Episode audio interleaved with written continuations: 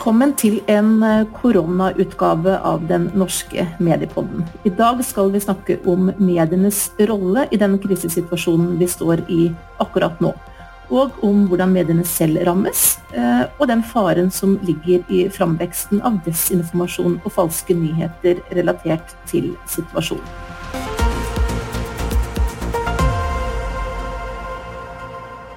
I dag har jeg med meg eh, Jens Baland, som er instituttleder ved Institutt for kommunikasjon ved Høgskolen Kristiania, og Bente Kalsnes, som er førsteamanuensis på samme sted.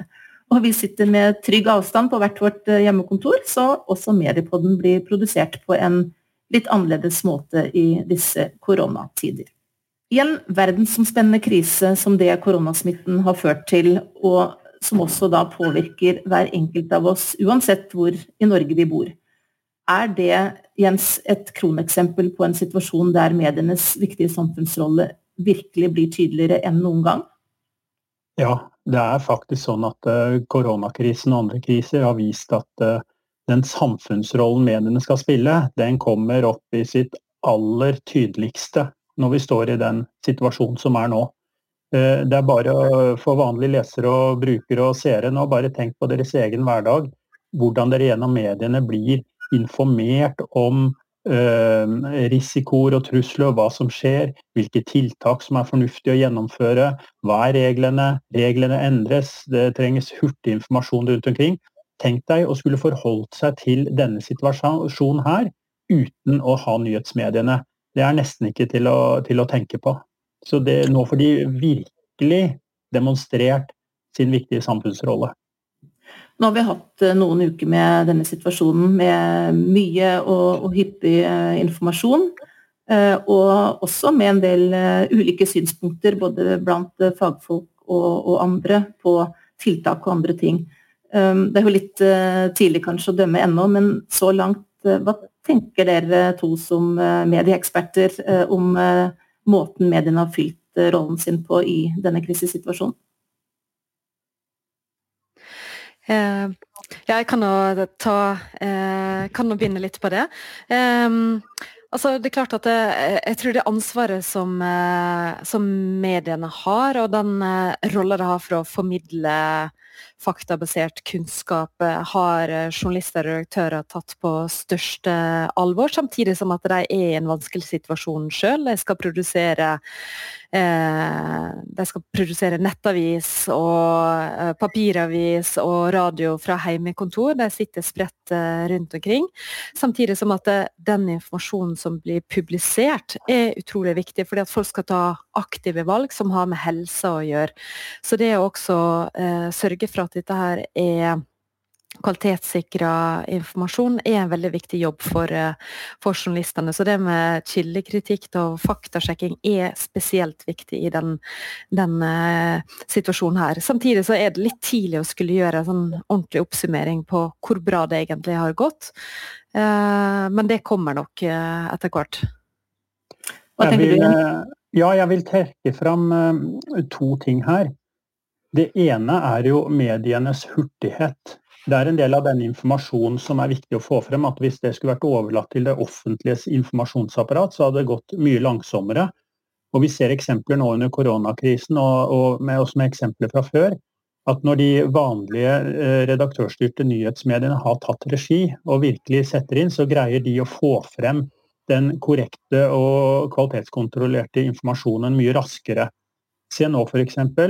Eh, VG har lagt veldig mye ressurser i det å formidle fakta om eh, antall døde og de tingene der, og, og få fram det på en veldig dokumentert måte. Eh, og hvis vi skulle vært overlatt der til den offisielle rapporteringa, så ville, ser det i hvert fall for øyeblikket ut som tallene både ville vært langsommere og faktisk ikke så uh, godt kvalitets... Uh, sjekka, fordi det, slett, det har vært noen rapporteringsrutiner som ikke har vært helt, eh, helt på plass ennå. Eh, det, det, ser man også fra tidligere kriser. Og så er det det andre. Det er at uh, vi ser at de har kritisk journalistikk. Det er diskusjon, det er aktiv debatt, og det, det er kritiske innvendinger mot en del av de tiltakene som blir gjort. Det, det, kunne vi f.eks. ikke gjøre etter terroren etter 22.07. før det hadde gått en viss tid. Nå kan vi gjøre det midt oppi krisen vi står i. Og det er kanskje spesielt viktig i en situasjon som denne, der det jo på forhånd ikke var så mange fasitsvar, og veldig krevende å vite også hva som har vært riktig å gjøre, selv for ekspertene. Ja, og så vil jeg også legge til det her med åpenhet, og at eh, redaktører og journalister har eh, vært tydelige på krav om enda mer åpenhet fra både helsemyndighetene og fra regjeringa. F.eks. åpenhet rundt eh, mange av disse her, eh, smitta pasientene. Altså det å få mer informasjon om eh, bakenforliggende sykdomsbilde, alder, den type ting. Altså, som er viktig for at vi skal forstå omfanget av eh, koronakrisa. Hvem er det som blir ramma av dette, her, og hvordan blir det ramma. En annen ting som, eh, som jeg syns har vært viktig Eh, rundt medienes rolle. altså Kravet om å få mer informasjon rundt f.eks. det med smittevern. altså Der myndighetene har holdt tilbake en del informasjon, har ikke vært så tydelige og åpne på hva, eh, hvor god tilgang har en på smittevernutstyr. Hva er situasjonen egentlig i Norge? Så har også journalistene krevd at her må vi få bedre informasjon om eh, en så kritisk eh, eh, del av beredskapen. Jeg tror kanskje Bente her peker på noe som er spesielt viktig i denne krisen. Dette med krav om mer åpenhet fordi det skal fram en viktig informasjon i samfunnet om det. At ikke alt bare kan gjemmes bak et personvern, og at det blir viktigere enn den informasjonen hele fellesskapet trenger. Hvis vi ser tilbake på de store krisene som kommer med noen års mellom, så ser vi liksom at det ved hver anledning er noen store journalistiske nyvinninger som har kommet ut av det. Og hvis det ut av denne også kan komme den type åpenhet som, som fellesskapet trenger, så kan det, kan det, være positivt for journalistikken. Ja, for Det er jo interessant her om det er noe av det som uh, skjer rundt uh, den rollen som mediene spiller, som kommer til å få konsekvenser uh, utover den situasjonen som vi står i akkurat nå?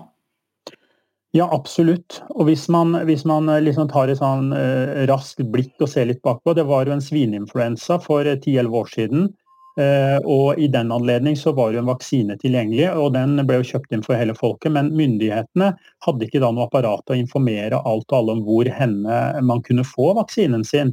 Og Da var det jo VG som satte i gang det med at alle leserne kunne skrive inn opplysninger om sitt nærmiljø i en tjeneste de hadde, og så ble den redigert og gjort om til en landsdekkende tjeneste, Vaksineguiden, som sa her er ditt helsesenter, det er åpent fra da til da, sånn er køordningen.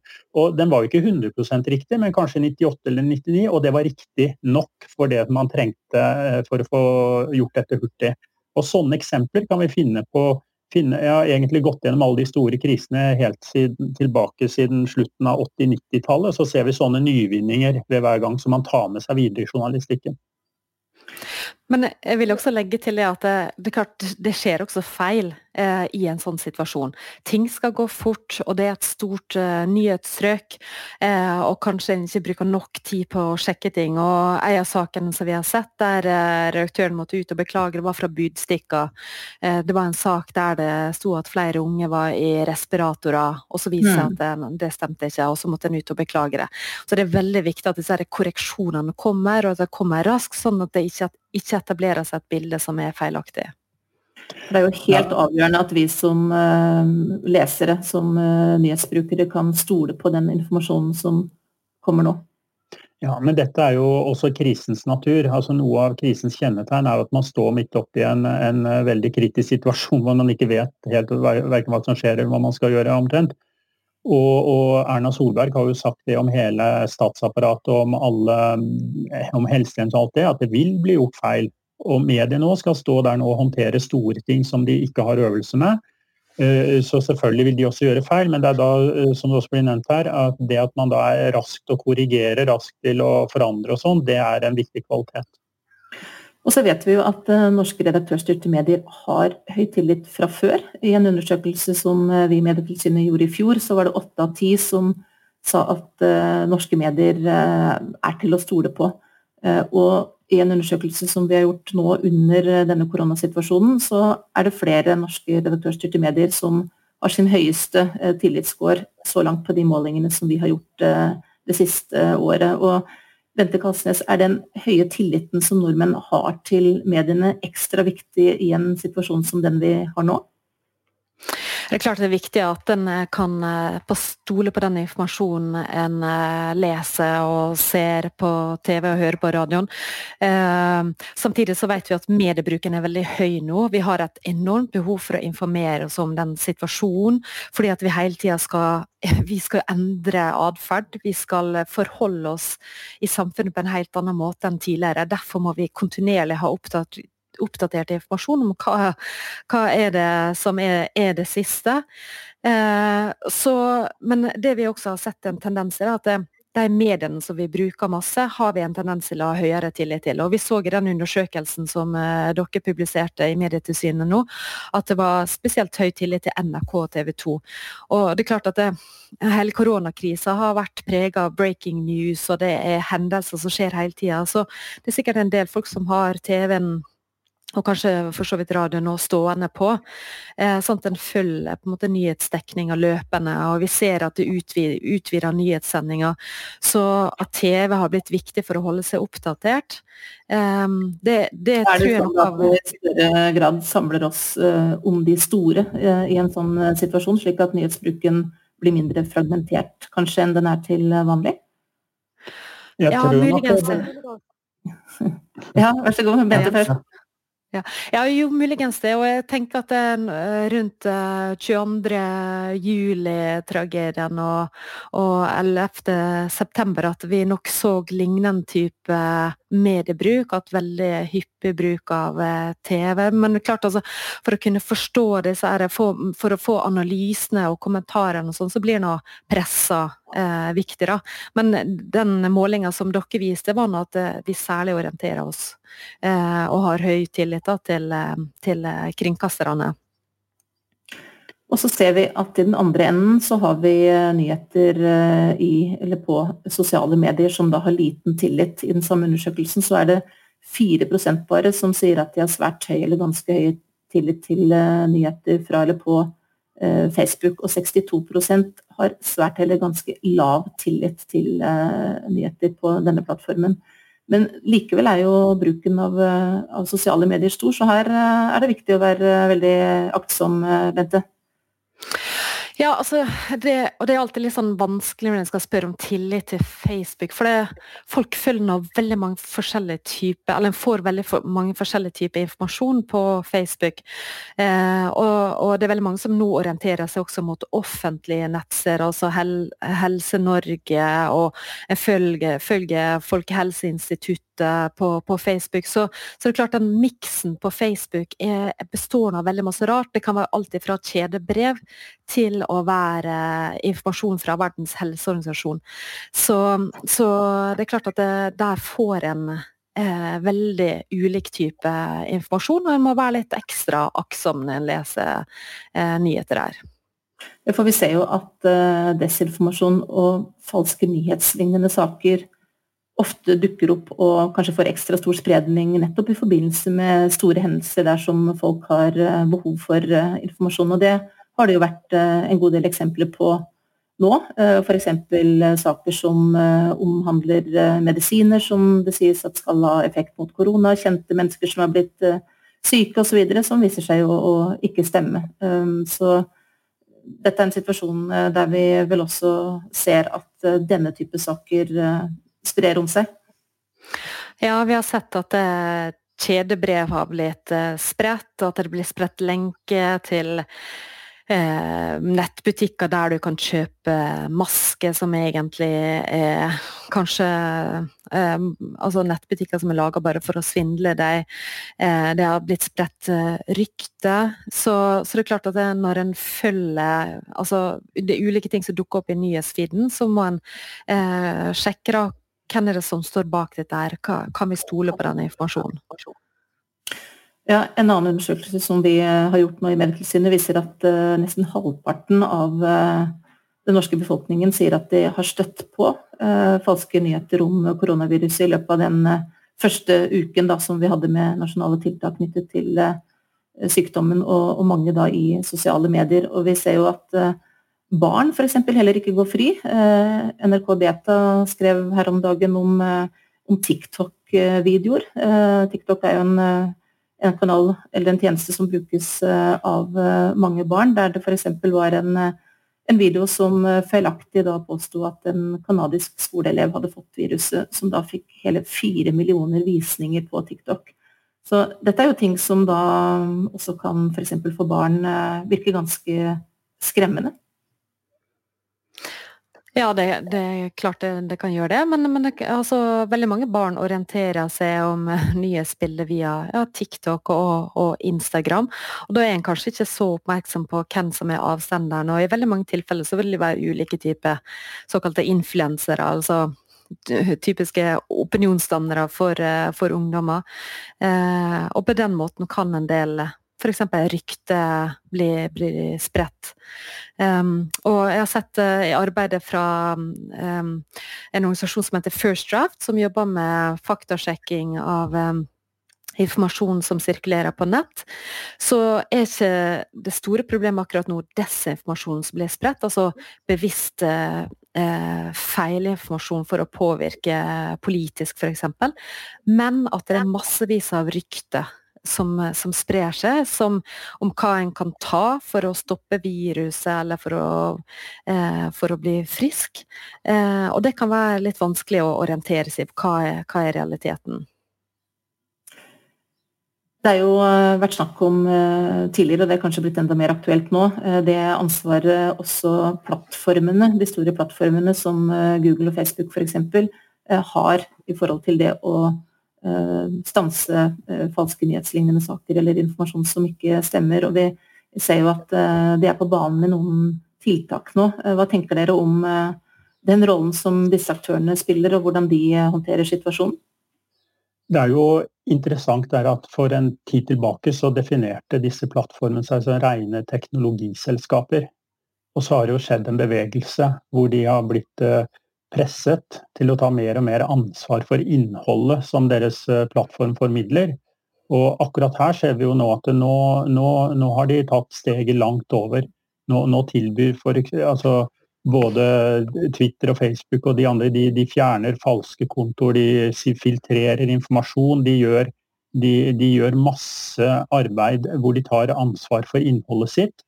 Og de, løfter også opp eh, kvalitetssikra informasjon som er viktig for folk, helt øverst opp i feeden. Så, så vi ser også at eh, koronakrisen, men også med noen forutgående steg her, eh, forandrer hvordan de store digitale plattformene for sosiale medier altså, har redefinert rollen sin overfor det å også ta et ansvar.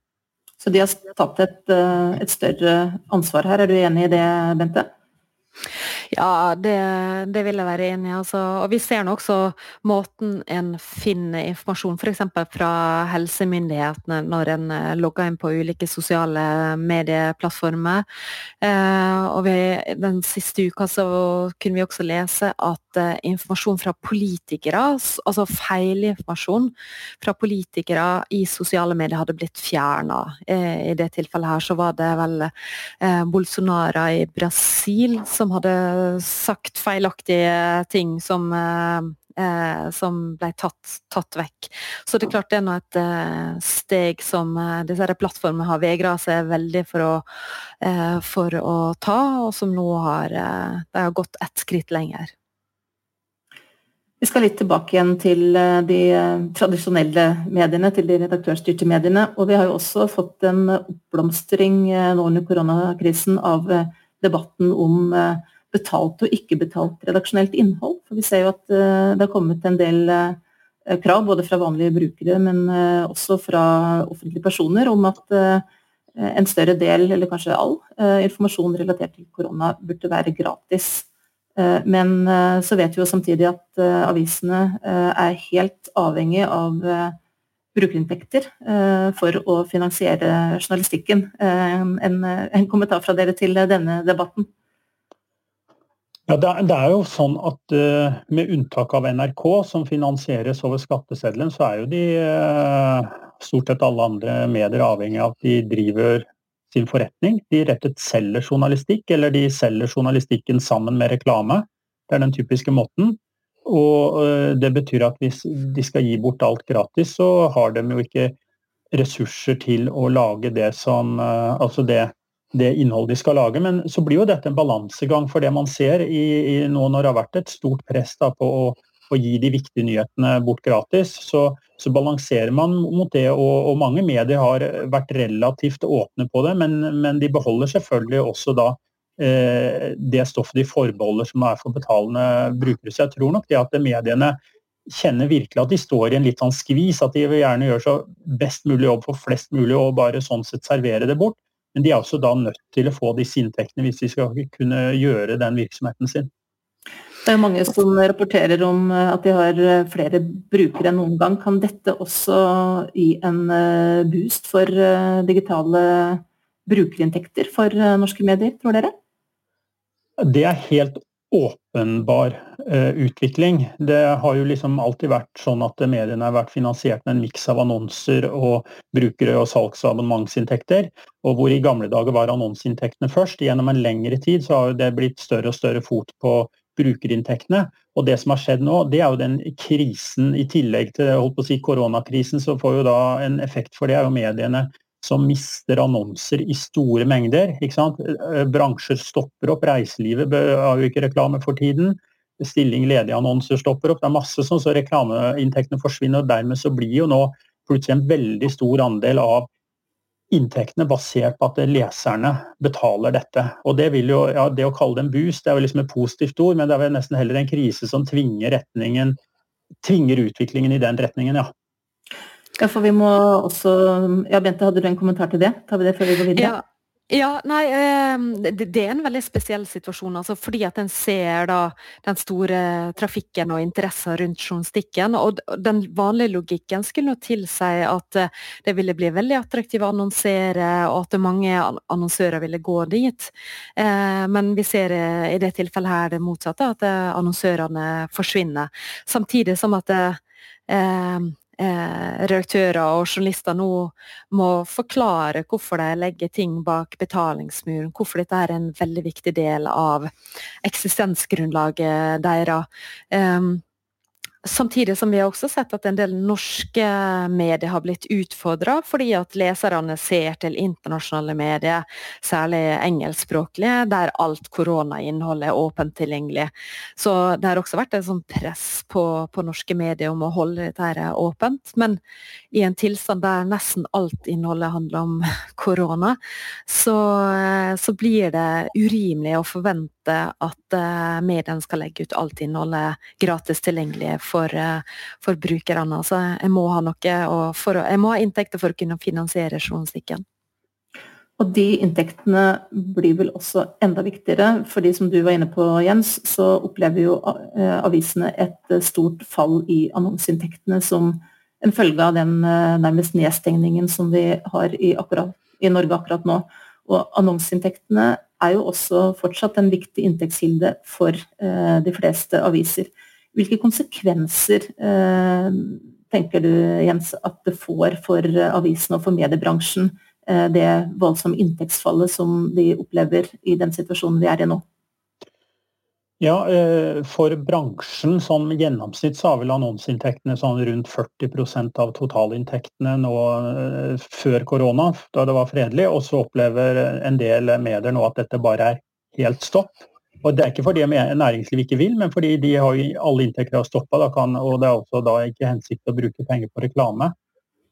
Sånn at Eh, det vi ser nå, hvis man går inn og leser på sånne nettsteder som bare har medienyheter og sånn, så står jo navnet på masse uh, mediehus, og nå permitterer de der, og nå permitterer de der, og nå går den så, så, Og fra redaktørhold så hører jeg nå hvordan da redaktørene sitter i en veldig veldig vanskelig situasjon. fordi Hvis de da er i en sånn publisher-rolle hvor de er både direktør og redaktør, så ser de hvordan bedriften Eh, bedriftens store inntekter forsvinner, og de er nødt til å permittere folk og ta ansvar for den langsiktige utviklinga, om de i hele tatt skal greie å overleve dette. Og på en annen side, som redaktør, så har de noe av den viktigste jobben de har hatt på lang tid med å lede det arbeidet. Så de, de står virkelig i en, i en, spagat der. Eh, jeg frykter at vi eh, gjennom den krisen her også vil oppleve at det er medier som går inn. For det er mange medier som har lite å gå på, og som er veldig avhengig av de inntektene de har, også pressestøtte. og Mediene har jo også um, spurt om å bli en del av disse krisepakkene som lages for tiden, og har foreslått en del ting. Foreløpig har de ikke blitt sånn spesifikt utvalgt til det, utover at Medietilsynet betaler ut støtte de skal få på et tidligere tidspunkt, noe de er glade for. Men, men, men, jeg tror det er veldig på sin plass om også mediene får sin plass i en av krisepakkene. Og nettopp så kunne vi faktisk i, i dag så var det nyhet om at uh, Rupert Murdoch i uh, Australia legger ned eh, 60 regionale aviser. altså i selskapet News Corp. Så det er klart at det det her kan også bli ganske dramatisk for mediebransjen eh, i Norge og potensielt eh, internasjonalt, fordi at den mister så viktige inntekter. Hvor eh, lenge tenker dere at eh, denne situasjonen kan vare før vi virkelig begynner å, å se problemer? Eh, der vi kan komme i en situasjon som du var inne på Jens, at noen faktisk ikke klarer seg? Ja, Det tror jeg kan skje når som helst, at de første begynner. fordi vi har jo allerede sett massive mengder med permitteringer i bransjen. Og, og, som, som, uh, som, rammer umiddelbart. Uh, og av de over 200 avisene vi har i Norge, så, så er det er så mange som har så liten margin. Så, så jeg tror ikke det skal gå lang tid før noen av de går under. Og det som da skjer, det, det, er det som er litt spesielt med det norske mediemangfoldet. Det er også det geografiske mangfoldet, at stort sett alle kommuner og lokalsamfunn også har sine medier. og Det er også viktig, det er ikke bare den sentrale eh, nasjonale informasjonen, men det er mye lokal informasjon som også skal lages, som må lages av nyhetsmediene. Og Dette vil bidra til at det blir flere blindfelt, flere bygder, flere kommuner og områder i Norge som da ikke får lokaljournalistikk, verken for å spre informasjon eller noen som har et kritisk blikk på det som foregår i de samfunnene. Så på en måte har vi et paradoks her. Eh, på den ene side så er det viktigere enn noen gang eh, at vi har medier, redaktørstyrte medier som eh, tar et ansvar både for å få informasjon ut, stille kritiske spørsmål osv. i den situasjonen som vi har. Vi vet at, at det er stor interesse. Folk søker til mediene, og på samme tid så har de selv store utfordringer nå økonomisk i den situasjonen vi står i. Det er en ganske Eh, krevende eh, setting, rett og slett, dette. Det er akkurat sånn det er, ja. Og, og det, som, det, det, som, man nå har fått demonstrert så tydelig, det er jo at uh, enten de står på en formell liste eller ikke, altså mediene har en helt samfunnskritisk situasjon i den tiden vi står i. Og, og, og, hvis den situasjonen også gjør at de ikke har ressurser til å gjøre det de skal, ja, så, så er det, en, det er et paradoks. Tror dere dette også har gjort folk flest mer bevisst på betydningen av det å ha eh, medier og det å ha et mediemangfold. Det er jo sånne ting som eh, vi i Medietilsynet, dere som forskere osv. er opptatt av å, å snakke om. Eh, begreper som mediemangfold og, og ytringsfrihet og demokratisk infrastruktur osv., men som kanskje ikke hver enkelt går og tenker så mye over i det, i det daglige. Kan en sånn krise også være med på å få hvermannsen til å i større grad forstå hvor viktig det egentlig er med redaktørstyrte medier? Jeg tror nok at eh, viktigheten av eh, kvalitetssikra informasjon og faktabasert eh, journalistikk er veldig viktig, samtidig som at det her er en situasjon der jeg tror veldig mange orienterer seg også ut utafor eh, journalistikken og går på, eh, på f.eks. Eh, helsemyndighetene sine nettsider og prøver å skjønne hva er det denne eh, koronakrisa handler om. Så at en søker ganske bredt. Så det å kunne ha et mangfold av kilder, altså både journalistiske, men også kanskje mer sånn myndighetsnettsted, er veldig viktig informasjonskilde. Tror dere den situasjonen som vi er i nå, eh, når vi ser tilbake på et eller annet tidspunkt eh, på det vi står i nå, tror dere det vil eh, få noen endringer på litt lengre sikt for mediebruk og medienes rolle i Norge? Det tror jeg absolutt.